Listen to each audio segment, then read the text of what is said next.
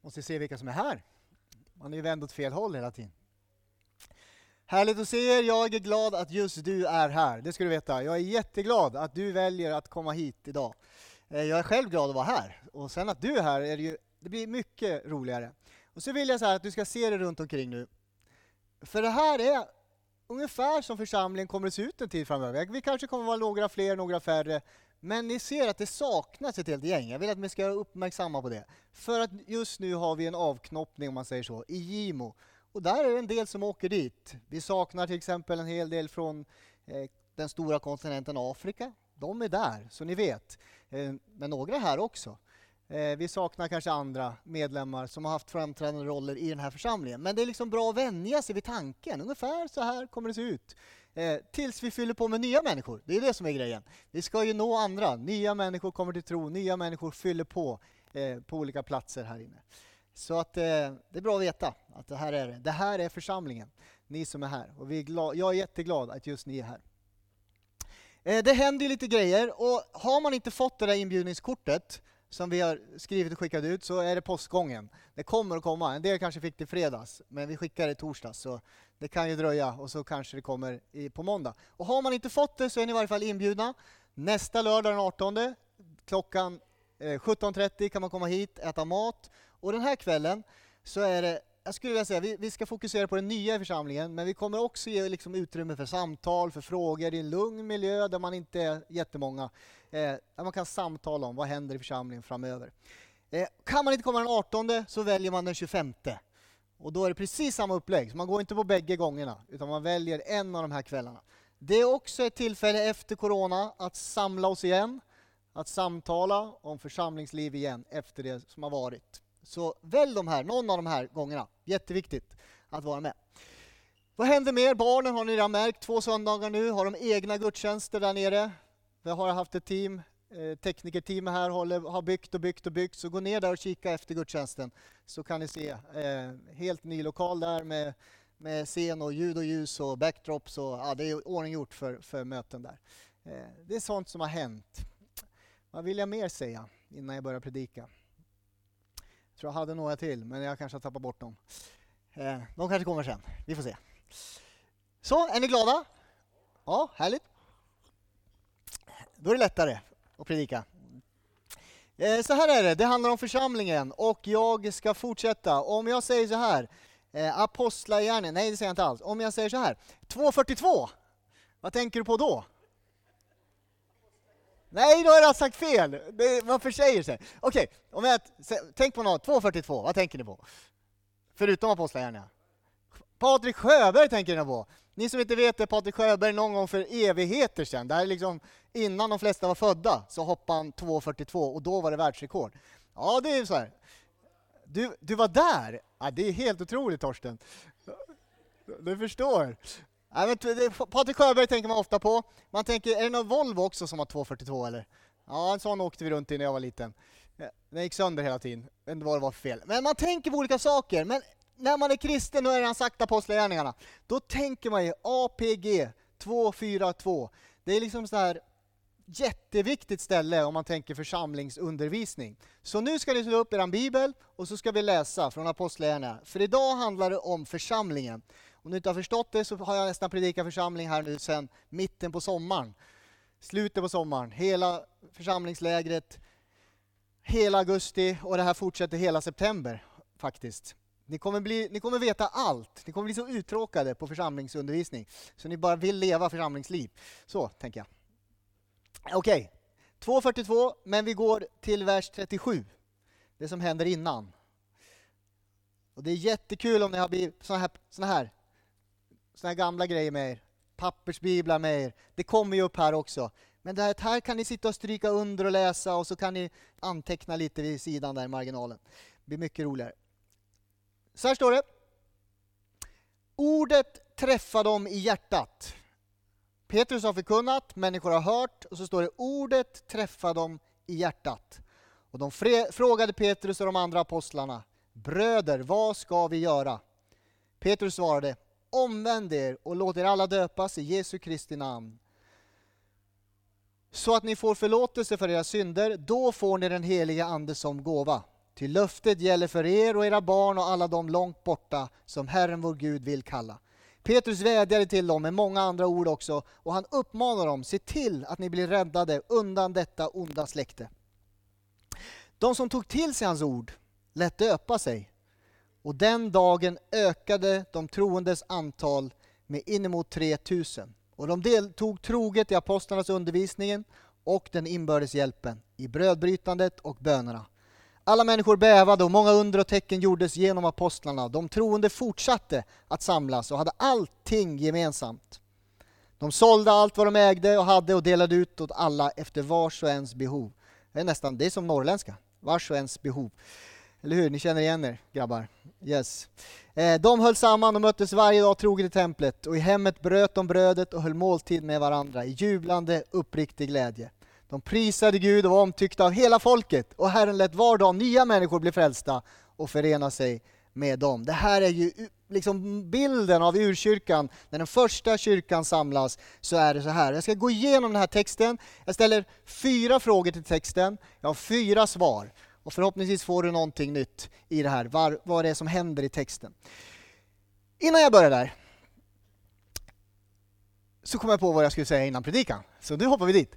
Jag vill också säga till dig som inte är med i församlingen, så är du också varmt välkommen till församlingskväll. Det låter ju väldigt så här inkludera, eller så här exklusivt bara för en viss... Men om du går hit och firar gudstjänst här, jag vet inte om du finns här, men, och vill liksom veta mer om den här församlingen och kanske hitta in i den här församlingen, då är du också välkommen den 18 eller 25. Det vill jag säga. Jag vill inkludera alla som är här idag. Så, nu fortsätter vi.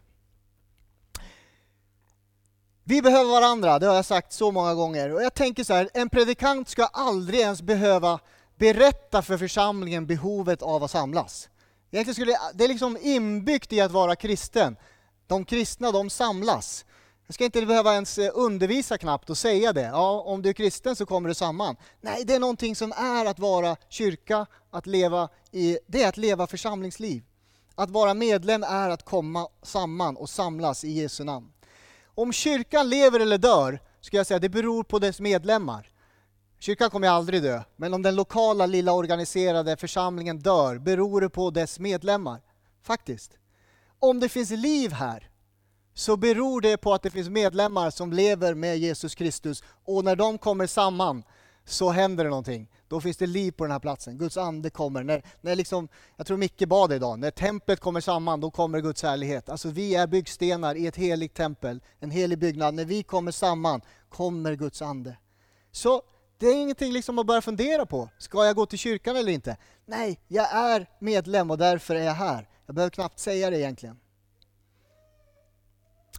Ofta så kanske det svalnar i medlemmars gudsrelation.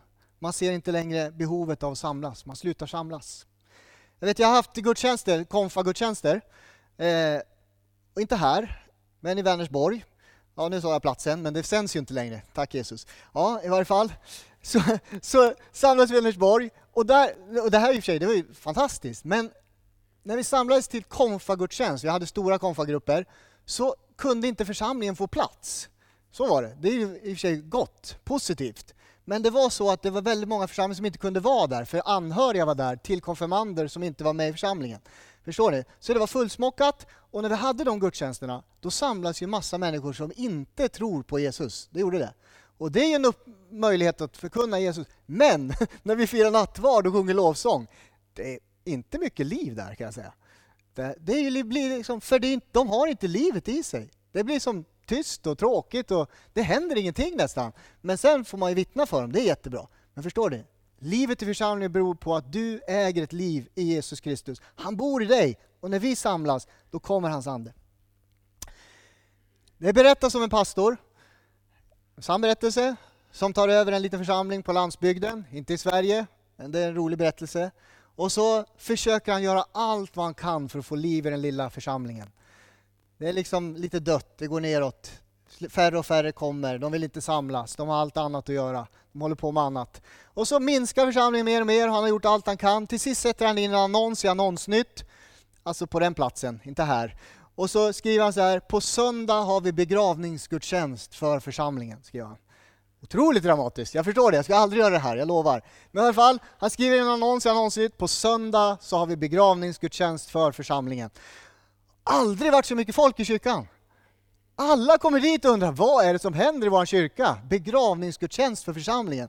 Han har ställt en stor kista längst fram. Han eh, har det precis som en begravningsgudstjänst. Han står där och säger orden. Att förklara nu, han berättar först historien om församlingen, hur den växte fram, vad som har hänt i församlingen genom åren, hur den har liksom minskat och färre och färre har kommit och nu är det dags att begrava denna församling.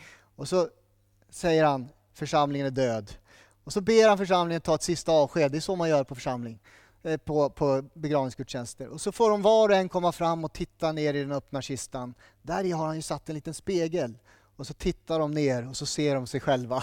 Otroligt dramatiskt, jag kommer aldrig göra det här. Min poäng är, förlåt men det kommer aldrig hända här. Men det är det som sker där. Alltså, det har hänt något med medlemmarna. Deras kärlek till Jesus, till församlingen. De ser sig själva, de vänder sig om med skam och går därifrån och förstår, det är jag som har slocknat.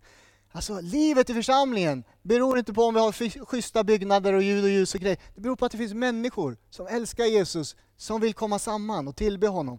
Livet du äger i ditt hjärta påverkar varje gudstjänst här. Så ditt personliga andaktsliv, det är inte den här predikan egentligen, men att du har ett personligt andaktsliv, vardagslivet med Jesus, det påverkar varje tillfälle vi kommer hit.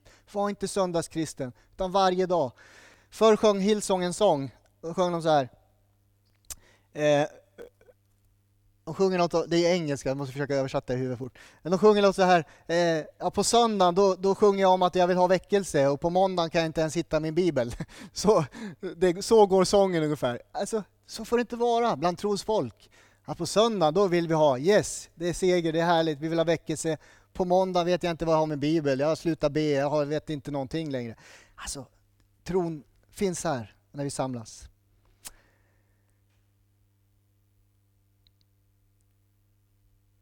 Livet i församlingen beror på livet du äger i ditt hjärta. Det är det jag säger. När många hungriga, längtande hjärtan samlas, när vi blir ett hjärta, en själ, när vi samlas för att komma närmare Jesus och varandra, då lever församlingen. Vi kommer att fortsätta samlas till dess Jesus kommer tillbaks. Vi lever i detta liv tillsammans, det är inte ensam utan tillsammans. Det är inte ett sportevent med massa åskådare. Jag hoppas ni inte känner er som en åskådare även om vi har, liksom har strukturerat salen så. Eh, utan det är församlingsliv, det är samverkan, det är samklang, det är samarbete, det är tillsammans. Det handlar om ett liv i gemenskap. I texten jag läste så ser vi ett folk som har en enda riktning, de är på jakt efter Gud. Vad ska vi göra? Frågar de. Det träffade dem i deras hjärtan ordet, vad ska vi göra? Jo, omvänd er och tro på Jesus så ska ni få den Helige ande som gåva. Och sen vad hände? Sen kommer, fortsätter texten, de samlades. Eh, de lät döpa sig och de deltog troget i apostlarnas undervisning. Nu kommer vi till de fyra frågorna och de fyra svaren. Det, är liksom, det blir lite konstigt, men man diskuterar med sig själv när man förbereder en predikan. Så frågan ställer jag ju till mig och till texten och så svarar jag på den för er. Det första jag skulle säga, och första frågan är, vad betyder egentligen församlingsgemenskap? Vad betyder det? Jag har ju varit inne på det lite nu i inledningen. Den första frågan, vad betyder det egentligen att ha församlingsgemenskap? Jag hade en kille i en annan församling, han sa jag är i kyrkan sex dagar i veckan, inte behöver jag komma på söndagen också. Det är jättejobbigt. Han tyckte han var liksom i kyrkan jämt eh, och gjorde massa grejer och pysslade. Varför ska jag ens komma på söndagen? Eh, han hade inte riktigt, han tyckte det var gemenskap jämt kanske när han bara var där. Men församlingsgemenskap i den här texten, vad betyder det? Vi talar om gemenskap ofta, vi talar om hemgruppsgemenskap, det kan vara bra gemenskap på sporten, bra gemenskap på fredags, på lördags. I alla grupper kan det vara härlig gemenskap. Men när Bibeln använder ordet gemenskap så använder de ett grekiskt ord, eller på grekiska så är det ett ord som ni kan. Börjar på K. Koinonia står det. Det är församlingsgemenskap. Koinonia. Vad betyder det ordet? Det betyder gemenskap, men kan också översättas att man bidrar, att man delar, någon form av partnerskap. Jag tänker att det är en gemenskap där man delar livet med Jesus tillsammans med varandra. Det är inte bara en social tillställning där man serverar gott ekologiskt kaffe. Det är inte bara en liksom det är godfika, korvfika, det är godfika, det är korvfika varannan vecka. Det är inte en sån gemenskap. Det är en andlig gemenskap när det står om församlingsgemenskap i den här texten. Det är alltså där man delar tron på Jesus Kristus tillsammans med varandra. Då är det församlingsgemenskap. Så då blir det koinonia.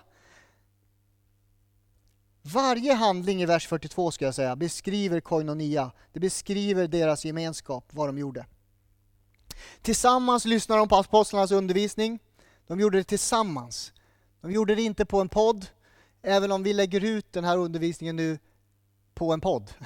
Men det är, liksom, det är för att man ska kunna tillgodose sig i undervisningen. Och hur bra en poddare är, så är det inte koinonia i Bibelns mening.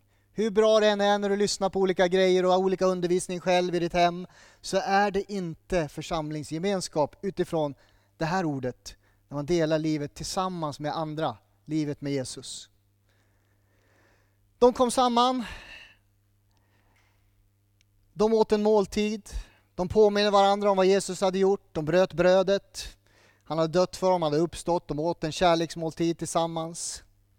Och I vers 44 så summeras det hur gemenskapen var bland de tidiga kristna. De troende fortsatte att samlas och hade allting gemensamt. Gemensamt är koinonia. Det är alltså inte något som sker bara så här på en massa åskådare på en söndag. De delade livet med Jesus tillsammans med varandra. De hade ett enda mål. Och det var att de ville ha Jesus i centrum, de ville bistå varandra, de ville ha en omsorg om varandra, hjälpa varandra i livet med Jesus. De ville växa i Kristuslikhet, i kärlek, i omsorg för varandra men också andra ute i den här världen. De samlades kring Jesus. Det betyder att allting det vi sätter gemenskap efter, det är inte koinonia när Friskus och Svettis samlas i en kristen kyrkolokal. Det är härligt att de samlas här och hyr in sig här, men det är inte samma sak, det förstår ni. Jag tar alldeles för tydliga exempel, men det är när de trons folk vill dela livet med Jesus tillsammans. Då infinner sig församlingsgemenskap. Jag har sagt i varenda predikan tror jag sedan i slutet på sommaren att det finns ett litet ord som är med över 50 gånger i Nya Testamentet. Det är ordet varandra. Har ni hört det? Det handlar alltså inte om jag, mig, mitt, mina. I Bibeln står det hela tiden om varandra. Det står inte vad är min kallelse, vad är mitt uppdrag, vad är min gåva. Även om vi undervisar så, även om vi vill att du ska hitta in i din kallelse, ditt uppdrag. Men det görs med det här ordet varandra. De älskade varandra. De bad för varandra, inte be för mig, utan de bad för varandra. De uppmuntrade varandra, inte hela tiden uppmuntra mig, utan de uppmuntrade varandra. Du är delaktig i det och du får uppmuntran. De förmanade varandra det är ju ganska känsligt. Vem ska sköta förmaningen? Men på något sätt så styr, liksom, hjälpte de varandra med riktningen i det kristna livet. De hedrade varandra. Inte bara hedra mig, de hedrar varandra. De accepterade varandra, de undervisade varandra. De bär varandras bördor, står det. Det är församlingsgemenskap. De förlåter varandra, de underordnar sig varandra. Inte bara underordna sig mig, inte bara förlåt mig, utan jag är med i det här. Varandra, varandra, varandra, hela tiden.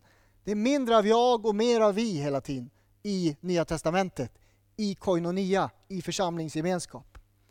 Så vad är församlingsgemenskap? Jag har gjort klart det va? Det är när vi delar livet med Jesus tillsammans med varandra. När Jesus är där mitt ibland oss, i hemgruppen, i eh, bibelläsningsgruppen, i den här stora gruppen, då är det koinonia. Varför behöver vi gemenskap? är nästa fråga. Varför behöver vi kristna samlas? faktiskt under coronatid så är det ju, kan man ju höra alla möjliga röster. En del känner ju verkligen att vi måste samlas, andra känner att det här går ju alldeles utmärkt ändå. Faktiskt. Det finns alla olika röster och olika upplevelser av den här tiden. Men varför behöver vi gemenskap? Ja, varför behövdes det då? Vi ska gå till vers 12. Vers 12, den läste vi upp, eller läste vi inte upp, utan jag tar den. I Apostlagärningarna 2 och 12, här ser vi någonting som händer med de kristna. Som är nyckeln till varför vi behöver samlas. Vers 12 står det så här. I sin häpnad visste ingen vad han skulle tro. Alltså apostlarna, eller de lärjungarna har blivit uppfyllda av helig ande, gått ut på Jerusalems gator och börjat tala i tungor. Och folket häpnar och visste inte vad de skulle tro. Och de frågar varandra, vad betyder detta? Men andra gjorde sig lustiga och sa de har druckit sig fulla på halvjäst vin. Vad är det som händer i den texten? Hör ni det? Det börjar redan. De kristna börjar hånas för deras tro, för deras upplevelse. Det här är liksom början på förföljelse, kristen förföljelse. Varför säger jag det? Därför att det börjar med, de har druckit sig berusade på halvjäst vin, säger de där, och sen fortsätter det. I kapitel 4 så börjar förföljelsen av de kristna. I kapitel 5 så blir de arresterade och anhållna och kastade i fängelse.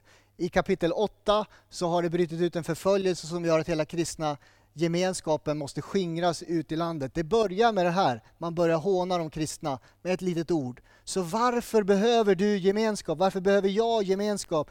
Därför att vi lever under sånt yttre tryck när vi följer Jesus Kristus hängivet i den här tiden. Om du inte har känt av det, då, då är det kanske ingen som vet om det. Men alltså vi, vi lever med tryck hela tiden. Att vi vill ha mindre av Jesus, mindre av Jesus Kristus i det här landet. Mer av sekularisering, mer sekulär stat, mindre Jesus. Det är tryck som hela tiden prackas på oss utifrån när du är på din arbetsplats, var du än är. Din tro vill vi inte höra om, den får inte ta del i det här sammanhanget. Och det gör att de troende måste samlas. När de förföljdes i Apostlagärningarna, vad gjorde de då? Ja, de kom samman och började be och Guds ande föll igen och marken skakade och de gick ut och frimodigt predikade igen, läser man om, hela tiden. Vi behöver gemenskap därför att trycket från världen är hårt på oss. Det betyder inte att alla tycker illa om dig. Jag tror det finns många av dina vänner som faktiskt gillar dig för att du är kristen. Men det finns någonting i vårt land som är fientligt mot kristna. Religionsfrihet betyder frihet från religion idag. Det betyder inte frihet att utöva kristen tro i vårt land. Frihet i vårt land från religion pratar man om. Det har pågått länge, den, den förändringen av ordet. Säkert i 20 års tid har man pratat om det. Så du behöver det. Det andra skulle jag säga, det yttre trycket är en anledning varför du behöver gemenskap. Det andra skulle jag säga, och det är ju vårt skärmberoende. Nu efter det här eh, titta på, på skärmen-tiden så ska vi ändå ta upp det, jag har tagit upp det förut. Men vårt skärmberoende, har du någon gång haft eh, fantomvibrationer i fickan? Det är som fantomsmärta fast det händer i fickan. Ja, ni har haft det. Om man liksom ska ta upp och svara på telefon, men det är ingen telefon där ens. Eller så ringer den inte alls. Man tror att det ringer. Man lever så tajt med den här lilla apparaten, jag har den alltid i högerfickan också. Jag kan inte ha den i vänsterficka eller bakficka eller hit och dit. Den ska alltid ligga där. Och jag, faktiskt nu när jag pratar om den så känner man att den är där, fast jag har den ju inte där. Alltså det är fantomsmärtor eller känslor av att den där lilla apparaten ska alltid vara med. Det har hänt något de senaste 10-12 åren i vårt liv som gör att vi lever inte riktigt koinonia utifrån Bibelns syn på det. Vår mobil, det är en stor del av vår portion. Den gör faktiskt att vi vänder oss inåt, inte utåt. Den gör att vi vänder oss inåt i oss själva. Mer av självupptagenhet blir det på grund av den här telefonen. Mindre av koinonia, mindre av varandra, mer av mig. Därför att jag har den här apparaten hela tiden. Skärmtiden, det är en ny tid vi lever i.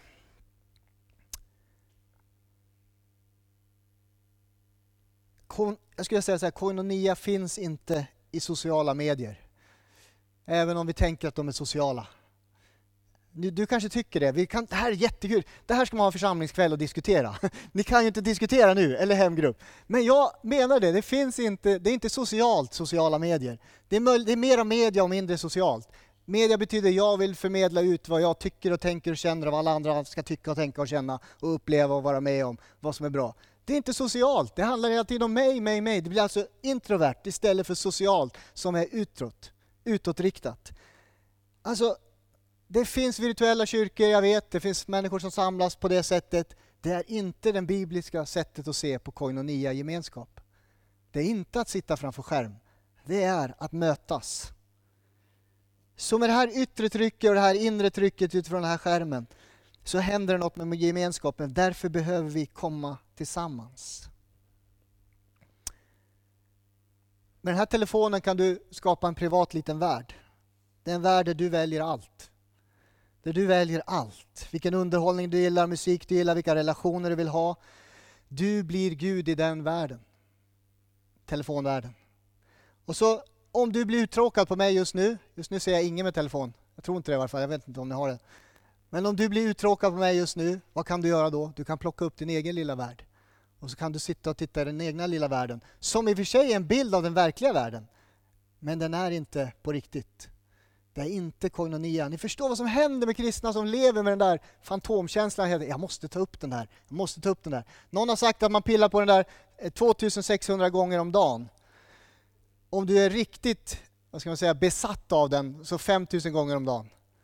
Så pet, och då menar jag peta på den. Bara titta, var är den? Var är den? Peta på den. Du behöver inte öppna den och titta, utan man petar på den hela tiden. Hela tiden. Skärm, skärm, skärm. Nu stänger vi av skärmarna för en tid och så samlas vi. Ni förstår, varför behöver jag gemenskap? Världens yttre tryck och sen också det inre trycket. Jag behöver komma samman, lyssna på Guds ord tillsammans med andra. Leva i den verkliga världen. Vad är gemenskap? Det är att tillsammans dela livet med Jesus. Varför behöver vi gemenskapen? För att trycket från världen ökar, men också den nya teknologin som ger oss ett inre tryck. Vi vänder oss inåt när vi behöver gemenskap. Den tredje frågan.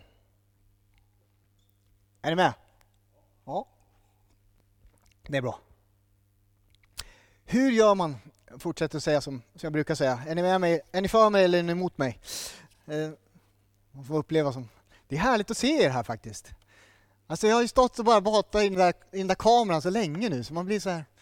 Ah, det är härligt att se er. Oj, ja, fortsätter vi. Tre. Hur gör man för att strukturera sann gemenskap? Alltså hur gör man för att organisera en sann gemenskap? En kristen gemenskap? Ja, det finns några ledtrådar. I vers 46 det står det så här.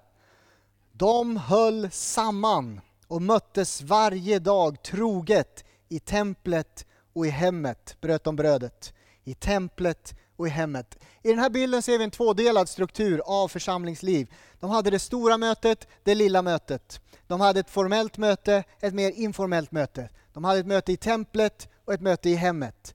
Templet skulle jag säga, det är det stora området. Ni vet templet i Jerusalem, ett stort område, kunde samla ja, över tusen människor på tempelområdet. En viss del av templet hette Salomons pelarhall. Där kunde de kristna samlas.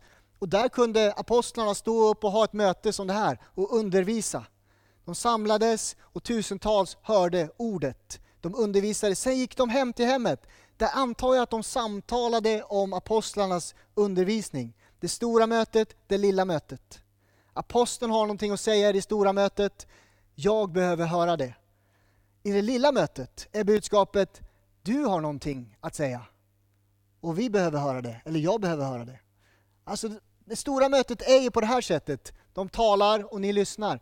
I det lilla mötet samlas man i hemmet och så delar var och en det man har fått utifrån det ord man har hört eller från andra ord som man har lyssnat till från Guds ord.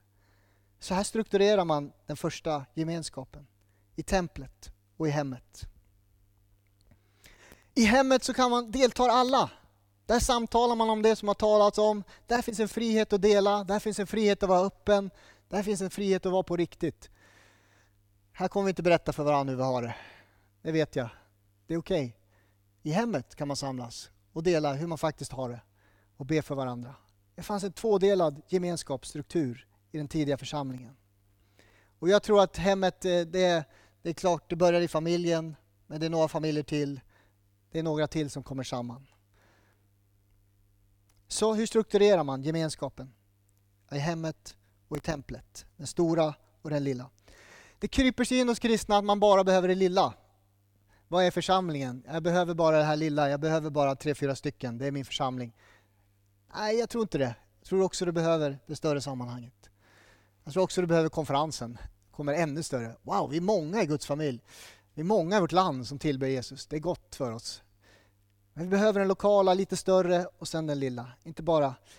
Andra säger jag behöver inte kyrkan. Jag tror inte på organiserad religion, är det en del som säger. Jag har hört några gånger. Jag vet inte var man får det ifrån. Jag tror inte på oorganiserad religion heller. Alltså vi organiserar, vi strukturerar. Det finns ordning och reda när Guds församling samlas. Stora samlingen, den lilla samlingen. Men allting handlar om att dela livet med Jesus tillsammans. Båda är viktiga.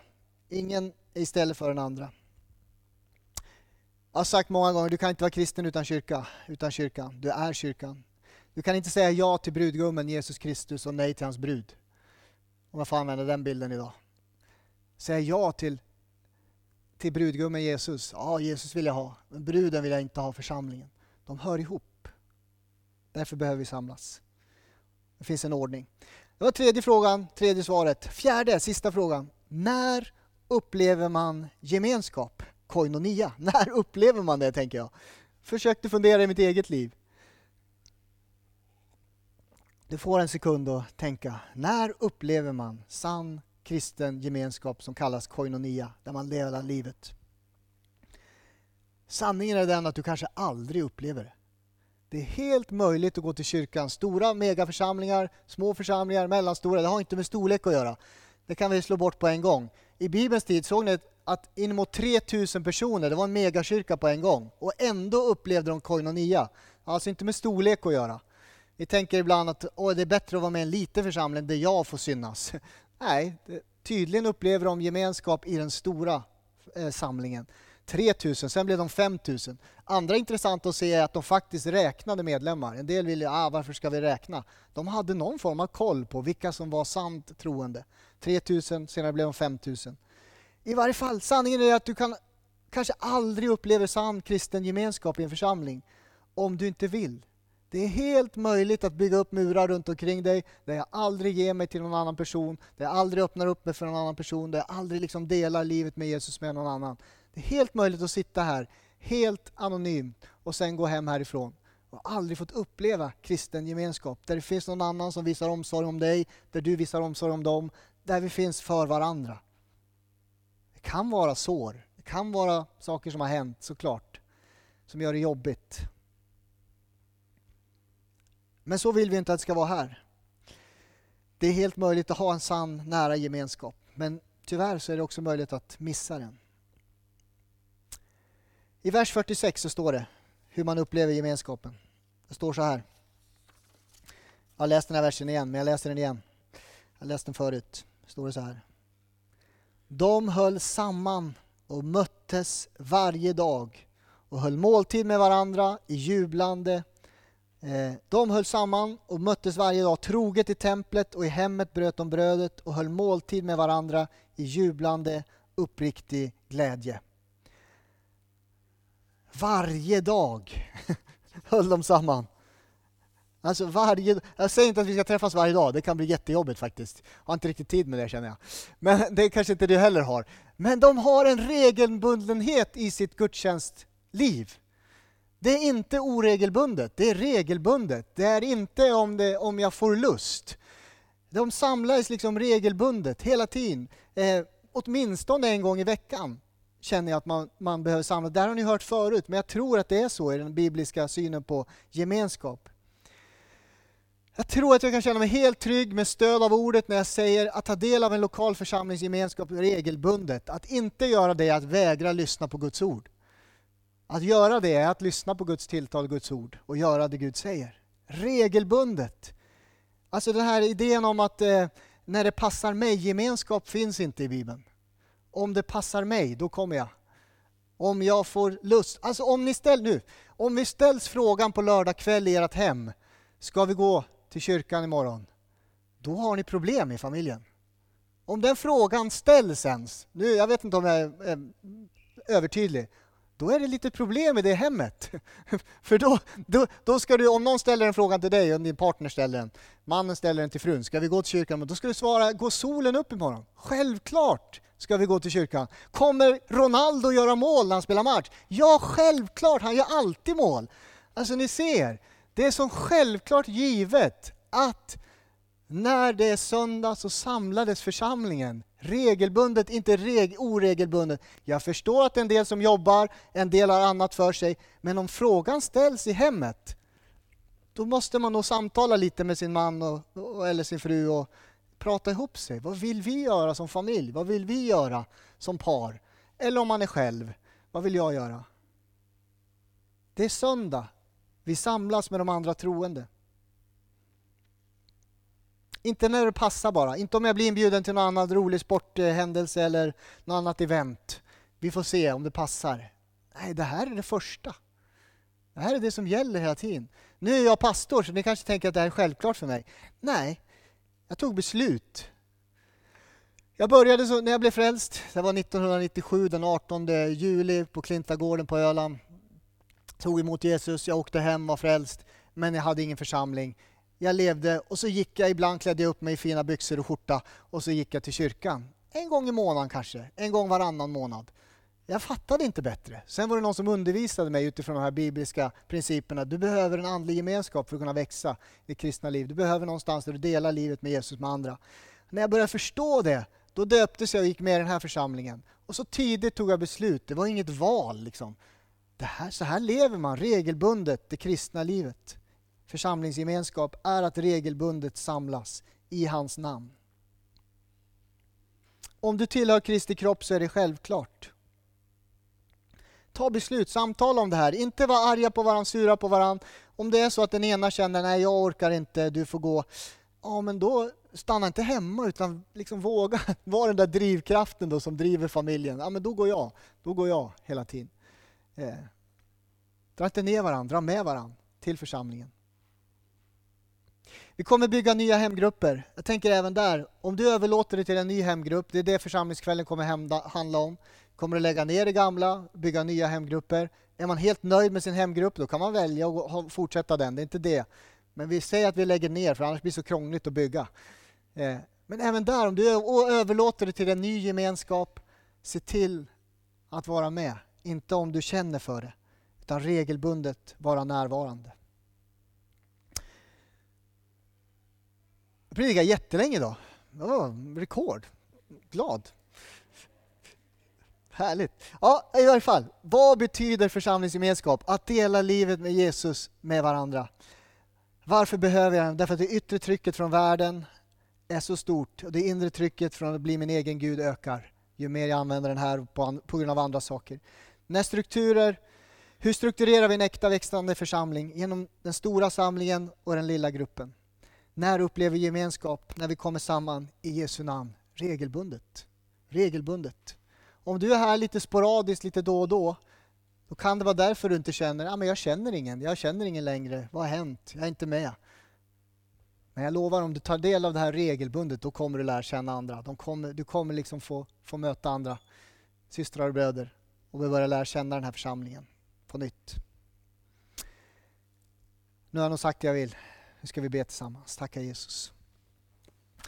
Tackar dig Herre. Tackar dig Herre för ditt ord. Det verkar så uppenbart, så självklart när vi läser Herre. Det kan alltid vara svårare i livet, men jag ber dig Herre Jesus Kristus, tala viktiga ord till var och en här. Till mig och till var och en i den här församlingen Herre.